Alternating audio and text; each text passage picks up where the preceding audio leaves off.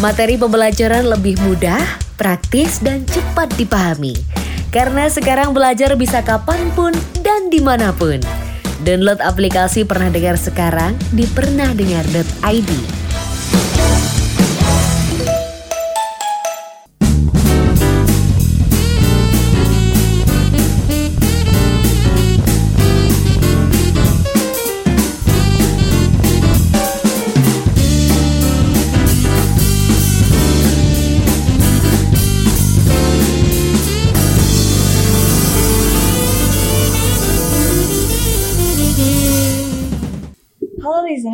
listener, this is Atika dan kali ini bareng sama Bingkai Suara. Di episode kali ini bakal spesial banget nih listeners karena kita bakal ngobrol dan sharing bareng salah satu komunitas di Malang yang pastinya inspiratif banget nih. Nah, di sini udah ada Kak Raka dan Kak Holis ya dari komunitas Seribu Guru Malang. Halo Kak, Kak. Halo kak. Halo kak. Oke, mungkin eh, sekarang lagi kesibukannya apa aja nih Kak? Kalau aku sih jualan aja sih kak di rumah itu Oh, aja. jualan. Marketing ya Kak ya? Iya. Oke. Dari Kak Raka sendiri, Kak Raka sendiri? Eh, sama sih, sama-sama bekerjanya. Cuma paling bedanya aku kan ada bengkel di rumah, jadi sekali waktu masih bengkel sama jualan-jualan gitu. Sama jadi ojol lah. Oh, Kadang, iya, ya. Mungkin bisa kenalan dulu nih dari kakak-kakak. Eh, Oke, Eh, kenalin eh, namaku Raka Raka Pandu, biasa dipanggil Kak Raka. Aslinya dari militer, cuma udah domisili Malang. Di komunitasnya sendiri Oh. apa nih kak? Divisi atau? Eh, kalau aku di komunitas Seribu Guru ini sebagai divisi logistik. Jadi yang bertanggung jawab untuk keperluan-keperluan di lapangan kayak gitu. Sama survei-survei juga. Dari Kak Kolis nih. Ya, perkenalkan ya kak, nama saya Kolis. Saya aslinya Malang. Kemudian di Seribu Guru Malang saya menjabat sebagai ketua regional untuk periode sekarang. Pertanggungjawaban saya sendiri ya melakukan kegiatan di Seribu Guru Malang semaksimal mungkin dan dilaporkan ke regional pusat seperti itu sih. Oke, berarti dari Kak Kolis sebagai ketuanya langsung ya udah datang ke Iya. sini dan emang ternyata Arema ya kak asli Malang Iya, Kak, gitu. asli Malang.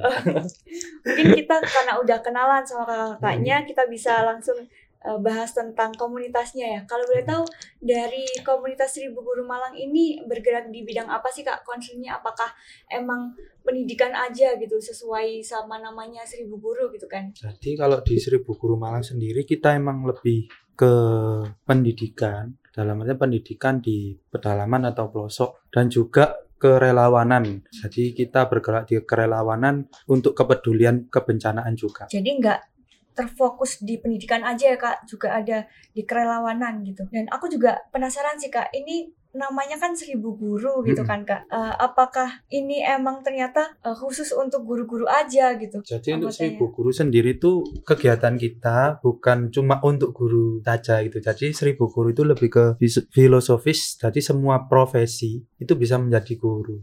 Seperti itu sih. Untuk seribu guru Malang sendiri ya, yang regional Hmm. Malang ini sejak kapan sih kak ada eh, mulai terbentuk gitu? Kita ada sejak Maret 2015 Oh, wow, Mm-mm.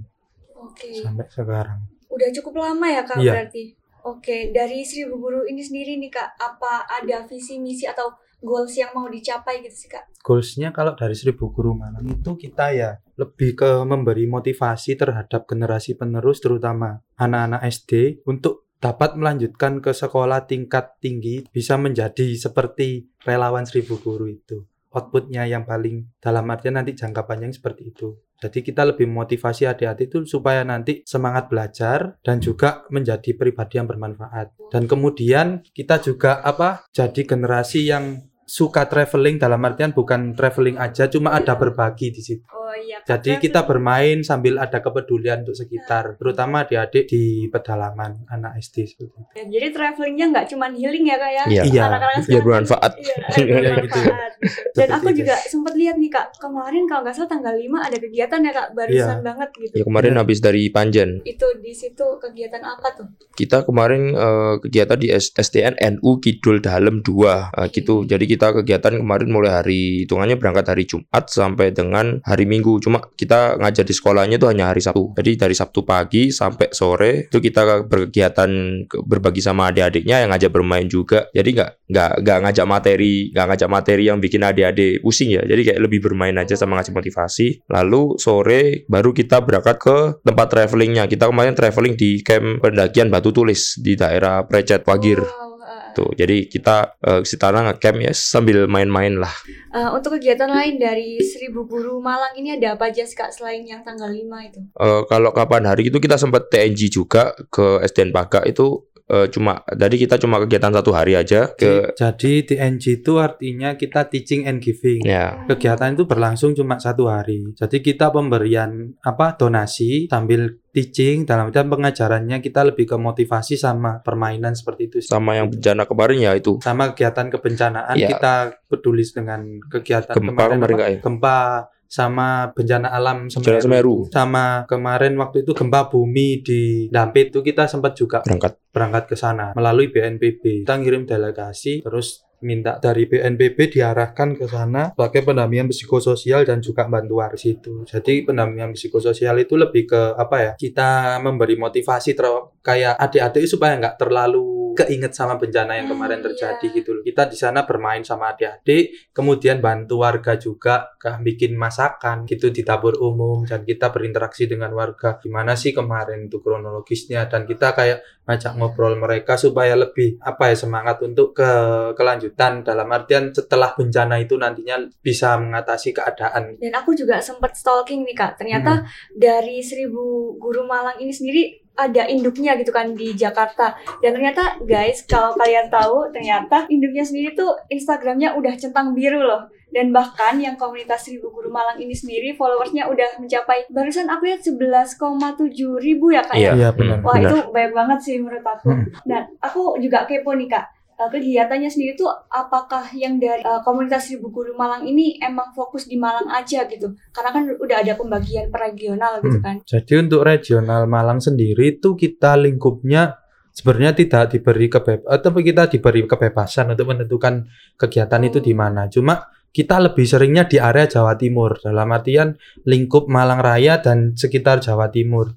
Kemarin paling jauh kita itu berkegiatan kita di Banyuwangi dan situ Bondo. Jadi kita ngajar di sana sama berangkat Jumat terus selesainya kita minggu dan minggunya itu untuk traveling. Jadi kita nyari tempat lokasi traveling, kemudian setelah sudah dapat lokasi traveling kita kemudian mencari tempat dalam artian sekolah dasar di sekitar lokasi traveling itu di mana yang sekiranya kita bisa masuk berkegiatan di sana dengan SOP yang sudah ada di komunitas kita itu. Ini kan banyak regionalnya gitu kan, Hmm. berbaginya banyak gitu. Pernah nggak sih kak collab gitu mungkin antar regional yang ada gitu? Kemarin sih kolaps kalau kolaps secara apa berkegiatan masih belum. Kemarin sempat sudah ada omongan dengan ketika saya dalam artian menjadi ketua se- periode 2020 kemarin itu itu kita sempat kontak sama regional Surabaya. Cuma emang karena kendala waktu dan tempat dan ada pandemi ini masih Ya. belum terrealisasi. Mungkin next time atau kapan bisa dilanjutkan kembali obrolan itu. Dan kemarin cuma lebih ke apa ya kita ngucapin selamat seperti membangun hubungan baik dengan regional yang dalam artian di, di Jawa Timur seperti itu. Kemudian kalau kemarin itu sama regional Banyuwangi kita kayak apa bikin kan kegiatan gitu. Jadi kolapsnya bukan seperti kolab dalam artian seribu guru Malang dengan Banyuwangi, tapi kita menginisiasi waktu itu regional Banyuwangi baru ada kita bantu gitu. Dalam artian dari tim seribu guru seribu guru Malang ini bikin konsepnya dan lain-lain seperti itu bantu tim seribu guru Banyuwangi seperti itu. Jadi bukan nggak kolaborasi yang resmi kita bikin kegiatan bareng. Jadi seperti itu sih untuk yang kemarin kita yang udah laksana Dan ini sih kak, eh, mungkin pendanaannya untuk kegiatan perkegiatannya tuh dari mana aja sih kak sumbernya? kalau kita sendiri itu dari relawan sendiri ya jadi lebih ke patungan Oh. gitu sama mungkin sponsorship. Cuma sponsorship yang kita terima itu lebih ke barang outputnya bukan dari uang atau materi. Dalam artian bukan uang. Di untuk mencegah dalam artian penggunaan yang tidak anu. cuma kita di seribu guru sendiri udah ada yayasan sendiri. Jadi kita sifatnya nanti semua donasi itu masuk ke rekening yayasan pusat dan udah terdaftar di apa Kemenkumham itu yayasannya sudah sama komunitas apa dalam artian seribu guru itu juga su- juga udah punya badan hukum sendiri Hmm. dan punya hak logo dan lain-lain sudah didaftarkan semua. Jadi untuk keuangan sendiri dari regional itu kita patungan ketika oper relawan kan ada kontribusi di situ. Lah itu uangnya nanti disetorkan ke yayasan, nanti ketika kegiatan kita klaim gitu Oh, sistemnya. iya. Jadi satu pintu, bukan dalam artian kita pakai CB sendiri bukan karena untuk mencegah dalam artian itu takutnya Oke. tidak amanah dan itu sudah ada apa laporan pertanggungjawaban per tahun pastinya dari dana yang tersa- tersalur. Eh, dan ini sih kak, kan kita udah ngobrol tentang Hmm. kegiatan yang kita langsung terjun ke masyarakat gitu ya. Aku juga kepo nih dari kegiatan internalnya sendiri gimana sih kak untuk mungkin menyatukan eh, anggota atau relawan yang udah ada. Gitu. Kalau dari internalnya sendiri kita lebih kemarin karena pandemi ya kak ya. Jadi kita tetap intens komunikasi di grup. WhatsApp. Jadi sering rapat eh, eh, sering kayak bikin meeting dalam artian meeting yang santai untuk bincang-bincang gitu. Selain bukan dari kegiatan seribu guru. Jadi kan kita juga beragam profesi Iya, di benar. sini dan beragam usia juga. Mulai dari mahasiswa sampai yang sudah dalam artian baru maba-maba eh, maba-maba dalam artian mahasiswa masih semester yang Awal. dal- awal 2 3 4 sampai yang mau akhir dan Ya. sampai juga yang benar-benar emang udah senior dalam Senior. artian usianya Hmm. udah 30 ke atas. Jadi kita kayak bikin kayak space ya kayak bercanda sekalian mau cerita apa Iya. gitu biar keakraban seperti itu. soalnya kebetulan juga banyak yang kotanya macem-macem nggak nggak dari Malang aja kan iya relawannya banyak yang dari luar kota Dari Malang aja. iya dari ada yang dari Jakarta juga kebetulan yang di Malang yang apa bagian kemarin tim di Malang Dari Jakarta Tuh. juga ada ada yang di Bali, Bali, kebetulan mm-mm. domisilinya sekarang. Cuma Tuh. beliau bergerak kan di tim memang di dalam artian bukan yang Dalam- divisi dalam divisi di lap- yang harus di lapangan. Jadi- jadi kayak bagian rekrutmen dan lain-lain kan bisa meskipun Iya, itu juga. harus langsung terjun gitu. ya. iya paling cuma kalau yang di Malang kita sering ngumpul ngopi atau kita main ke mana Oke, gitu iya. Ya, nah kali gitu sih gitu. piknik sendiri lah Kemarin ketika belum pandemi kita internal sendiri itu ada kegiatan piknik. Iya seru sih itu. Oh. Piknik ke lokasi mana, kemudian kayak visit ke rumah relawan sendiri. Iya. Kemudian Oh, gitu. di tim itu kita gantian gitu main ke sana. bertamu bertamu biar tahu nanti ini rumahnya di sini. Jadi Iya. kita di tim sendiri itu outputnya seperti keluarga gitu. Jadi meskipun sampai nanti kita udah dalam artian udah nggak di luar tim. guru, ya kalau minta tolong insya Allah Nah, semaksimal mungkin saling itu. Eh, membantu. Jadi di sini lebih apa ya kalau aku sendiri outputnya sangat banyak manfaat ikut di Seribu Guru Malang itu karena didukung dengan relawan yang berprofesi macam-macam kita juga dapat ilmu gratis dari mereka yang Hmm. itu kalau seumpama kita mengikuti kursus itu ya lumayan bayar lah Ya, ya, harganya ya. mahal pasti Kan nggak bisa diuangkan Lah, itu. Bahkan butuh jenjang yang tinggi ya gitu. Seperti itu sih. Jadi kita keakrabannya melalui perkumpulan dalam artian kayak ngopi atau kita piknik atau silaturahmi. Kalau di online kayak kita bikin space kayak gitu online Google Meet, Zoom. Ya, mungkin yang teman-teman listeners juga kepo nih kak. Gimana sih cara dapat infonya untuk eh, mungkin ada open recruitment-nya? follow seribu guru Iya, yang Iya. pertama, Pertama terutama follow ya di Guru. follow Instagramnya Instagram kita dulu, dulu. sosmednya kita itu. Oh, Emang kita output paling sering untuk upload ya di Instagram. Selain Instagram juga ada Facebook sama Twitter. Cuma emang yang paling aktif, aktif sekarang Instagram di Instagramnya itu ya. Mm-mm, di situ. Jadi semua informasi tentang kegiatan terdekat nantinya akan diposting di sosmed entah itu dari story atau feed IG dari Seribu Guru Malang seperti itu. Oke, untuk listeners yang eh, mungkin tertarik ini bisa langsung follow aja ya kak, biar Iya. ketinggalan infonya Siap. ya. At Seribu Guru underscore Malang. Nah, tuh, catat teman-teman. Ya. Dan ini aku juga kepo nih kak. Hmm. Untuk proses mendapatkan sekolah atau mungkin eh, proses surveinya itu seperti apa sih kak? Kalau kita ada standarnya sih untuk sekolahnya. Jadi standar standarnya kita nggak nggak asal sekolah. Eh, biasanya minimal yang menengah sekolah yang standar eh, ada adiknya itu keluarga dari anak-anak ekonomi menengah ke bawah seperti itu atau yang fasilitas-fasilitas sekolahnya eh, cu- tidak cukup memadai. Biasanya seperti itu atau guru-gurunya itu apa ya kalangan-kalangan dari desa-desa itu sendiri. Biasanya kayak gitu. Jadi kayak jumlah guru Jumlah gurunya cuma PNS-nya sedikit, berapa, ya. Iya. kayak sedikit gitu Mm-mm. kita bisa masuk di Ya. situ kayak fasilitas itu seperti kayak bangunannya mungkin belum apa ya masih belum keramik atau Ya. gimana outputnya dilihat itu terus kayak fasilitas yang di situ kayak ada yang kurang dalam Hmm. jam perpustakaan atau apa terus untuk tenaga pengajar itu jumlah PNS-nya sedikit. berapa terus kapasitas siswa di situ jumlahnya berapa Terus kemudian dari siswanya sendiri kita menanyakan ke guru di situ ada studi kasus apa. Oh, Seperti kayak yang iya. tadi saya ceritakan, kayak di sini tuh siswanya kelas 5 terutama sangat nakal. Di sini sudah merokok Iya. atau apa. Jadi banyak kasus-kasus sosial seperti itu. Kayak gitu juga jadi pertimbangan kita buat pilih kegiatan di sana. Oke, berarti menyesuaikan kebutuhan juga Iya, ya, ya? banyak soalnya apa ya kasus-kasus Iya. kayak kita ngerti anak-anak ini lulus SD gak lanjut sekolah gitu Nah, banyak itu, kayak gitu. iya, iya. Nah, emang kita outputnya nyari di Daerah yang agak pedesaan. Ini Kak lagi eh, untuk untuk kegiatannya sendiri tuh ada targetnya nggak sih misal kayak sebulan sekali, dua bulan sekali atau emang sedapatnya case langsung hajar kita gas gitu kak? Kalau di ketentuan seribu guru sendiri sudah disepakati minimal kita dua bulan sekali harus Oh, ada kegiatan minimal, traveling ya. and teaching itu Oh, atau teaching and giving seperti itu. Jadi minimalnya seperti itu biar dalam artian komunitas ini tetap terlihat dan Hmm, ter hmm, hmm. apa berkegiatan gitu. Jadi bukan cuma asal komunitas aja berdiri udah berkegiatan banyak cuma nggak intens ya. Jadi kita udah ditentukan dua bulan sekali minimal. Cuma karena karena Oke. ini pandemi kemarin kita juga sempat apa alihkan untuk kegiatan online dalam artian webinar Ya. atau apa seperti itu. Dan ini kak, aku kepo nih. Hmm. Ke depannya ada rencana apa lagi kak untuk eh, kegiatannya gitu? Mungkin yang sedang direncanakan. Bulan Yang Maret ini ini Kak, ini- mau ke Bro ke Semeru lagi kita. Oh, Kemu- Kemu yaitu yang terdekat kita akan berangkat Berangkat ke Semeru lagi. ke Semeru dengan komunitas Komunitas. Kom itu sama yang paling penting itu kita mau open recruitment, Open recruitment team Nah. habis ini. Nah itu sih. penting sih, itu Ah, ah. perlu dicatat teman-teman. Ya itu nanti untuk syarat-syaratnya sendiri nanti dilihat di Instagram, Instagram. kita.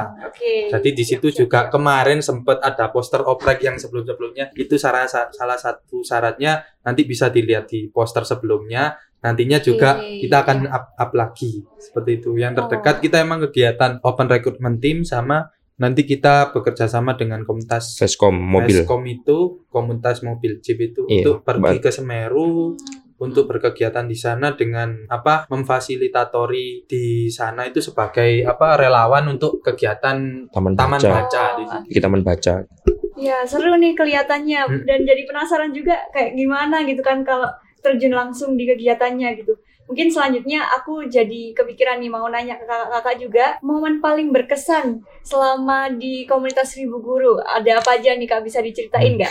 kalau aku apa ya? Eh, kalau aku eh, barangkali kalau momen ya, kalau momen yang paling berkesan mungkin kemarin eh, TNT terakhir ini ya, karena kan kebetulan ketua pelaksananya kan aku. Oh, Jadi eh, ngerti banget gimana ribet, bukan ribet ya, sulitnya bikin kegiatan itu kegiatan umum terutama. Terus kita juga kan di tim ini eh, banyak yang di luar kota akhirnya susah ke Malang kan. Oh, iya itu jadi eh, ngehandle perbagian tim-tim teman-teman kita yang kebetulan berhalangan kayak gitu.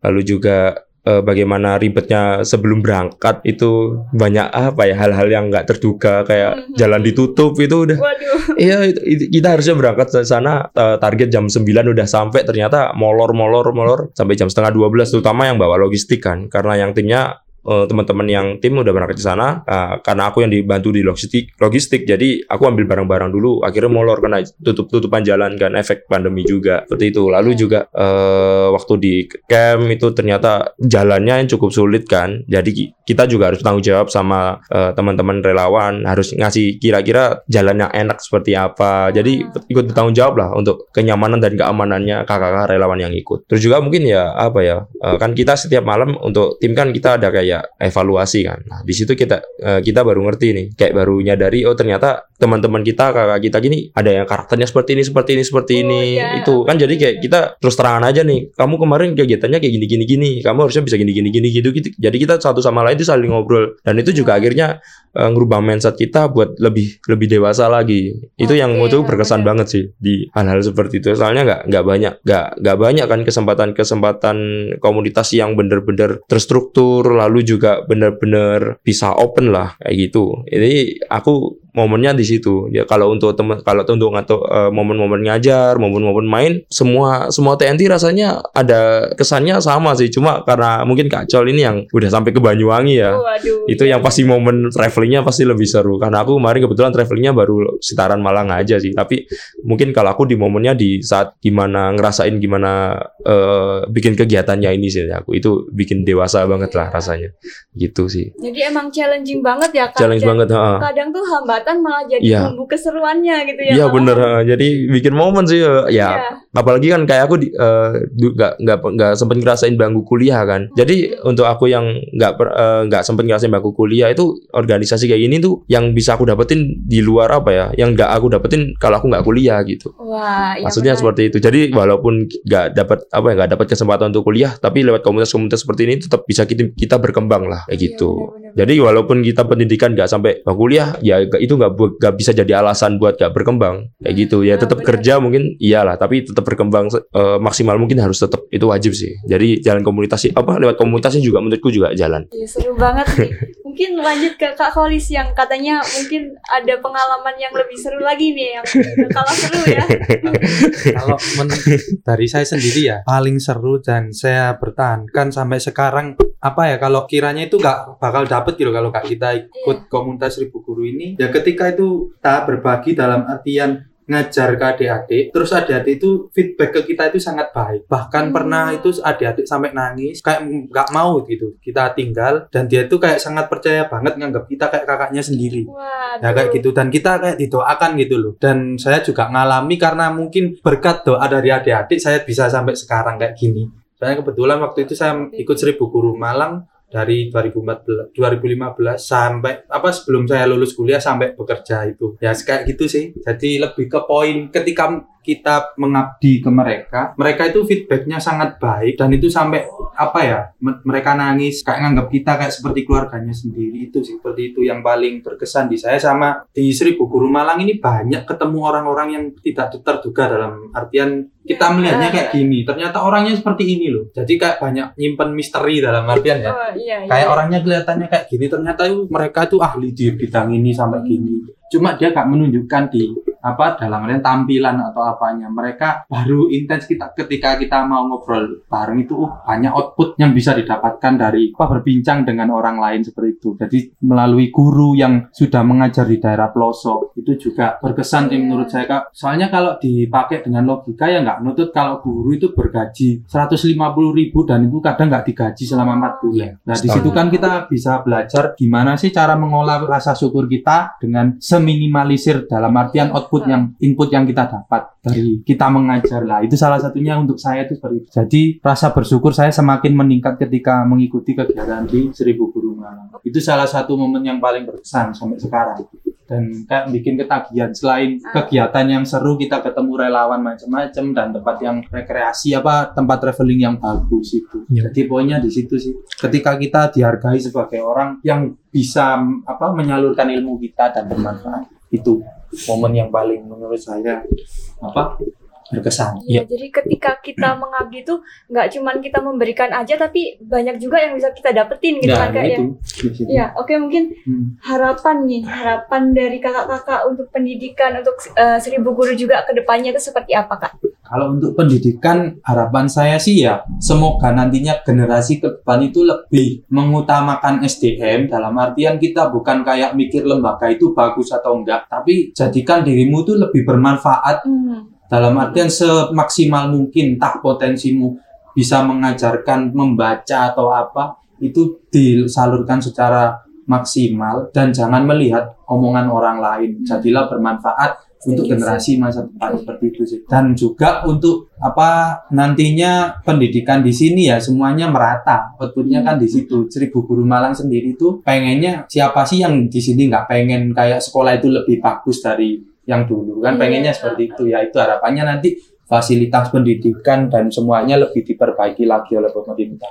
Itu aja. Dari Karaka mungkin ada tambahan harapannya apa aja nih? Eh, kalau aku mungkin mungkin hampir sama ya sama Kacol, tapi mungkin tambahan ke kesejahteraan guru sih, terutama guru-guru yang non PNS ya. Dan eh, apa ya? Karena itu fakta beneran itu kalau gaji apa ya guru-guru itu bahkan gaji udah di bawah di bawah standar ya. Terus mereka bahkan terimanya setahun sekali itu ada. Itu menurut setahun ada. Apa akhirnya mereka mau ah, bagaimana caranya mereka akhirnya mencari pekerjaan-pekerjaan yang sekiranya tidak mengganggu tidak mengganggu pengajaran tapi tetap Hmm. mereka bisa mengabdi kayak gitu. Jadi mungkin harapanku bisa ada kesejahteraan sih di guru-guru terutama di luar non PNS. Terus juga untuk adik-adiknya mungkin karena sekarang ya eh, apa ya menurutku itu empati ya. Kayak kerasa banget kalau adik- adik-adik yang di kota sama di desa itu cara empati empatinya tuh kayak gimana? Terutama cara bersolias apa sosialisasinya dengan orang-orang luar yang datang itu kayak gimana? Itu beda banget itu. Jadi apa ya eh, menurutku itu yang harus dibudayakan sekarang itu kayak empati terus norma budayanya juga itu. Ya apa ya emang kita kita karena mungkin karena kita berusaha untuk ngejar namanya teknologi sampai lupa namanya ada namanya empati dan budaya ini loh Nah, ini penting nih. Iya, kita tuh terlalu ngejar namanya bisa bahasa Inggris dan lain-lain, tapi kita lupa caranya normal untuk bersikap ke orang tua itu kayak gimana, bersikap ke teman-teman kayak gimana, terus menyikapi suatu permasalahan kayak gimana. Itu. Jadi Iya. menurutku yang sekarang dilupakan di pendidikan itu yang itunya, yang dasar itunya. Kita mungkin bisa lah dapat nilai 100 dan lain-lain ya. Ibaratnya sekarang mungkin untuk beberapa kasus yang di pemerintahan kan pasti semuanya orang pinter nih. nggak mungkin nggak ada orang pinter kan. Tapi kenapa mereka bisa berbuat sejahat itu kan? Kita mereka mengambil yang bukan haknya kan. Nah itu karena mereka nggak punya empati itu. Itu yang menurutku yang harus didasari dulu. Iya. Percuma kan kita kalau pinter dan lain-lain tapi kita nggak punya empati. Iya, setuju Itu Kak. sih. Harus memperkuat akarnya dulu. Nah gitu. bener itu sih. Uh, uh, Oke, karena kita juga udah banyak bahas ya, mulai dari relawan, kegiatan dari komunitas Ribu Guru Malang ini gitu, yang ternyata emang bener-bener inspiratif gitu. Iya. Semoga bisa terus melanjutkan perjalanan dan pengabdian, terutama untuk pendidikan di Indonesia dan uh, Malang khususnya gitu kak ya. Oke, terakhir nih, mungkin sebagai penutup, aku mau dong kak coba dengar jargon yang mungkin jadi andalan nih buat pemantik semangat pas pengabdian gitu mungkin ya. Boleh kak. Boleh kak. Iya. Ya dari Ya. jargonnya kita itu Satu. namanya satu hati, cipta, aksi selalu berbagi. Jadi dalam artian satu hati itu kita satu visi. Dalam artian punya empati itu cipta aksi kita melakukan kegiatan yang kerelawanan, kepedulian itu dan selalu berbagi dan berbagi untuk sesama. Meskipun kita berbagi kayak ilmu cuma ngajar membaca atau lain-lain Hmm. seperti itu sih. Itu kak. Jadi satu hati cipta aksi selalu, Selalu berbagi. Asik, langsung menggelora nih, langsung bikin ngabdi sekarang. Gitu ternyata ya Iya. maknanya. Iya. Oke, terima kasih banyak ya Kak Raka dan Kak Holis, komunitas Seribu Guru Malang. Siap. sudah menyempatkan waktu dan thank you juga buat listener yang udah dengerin sesi ngobrol-ngobrol dan sharing kita di hari ini. Sampai jumpa dan bye.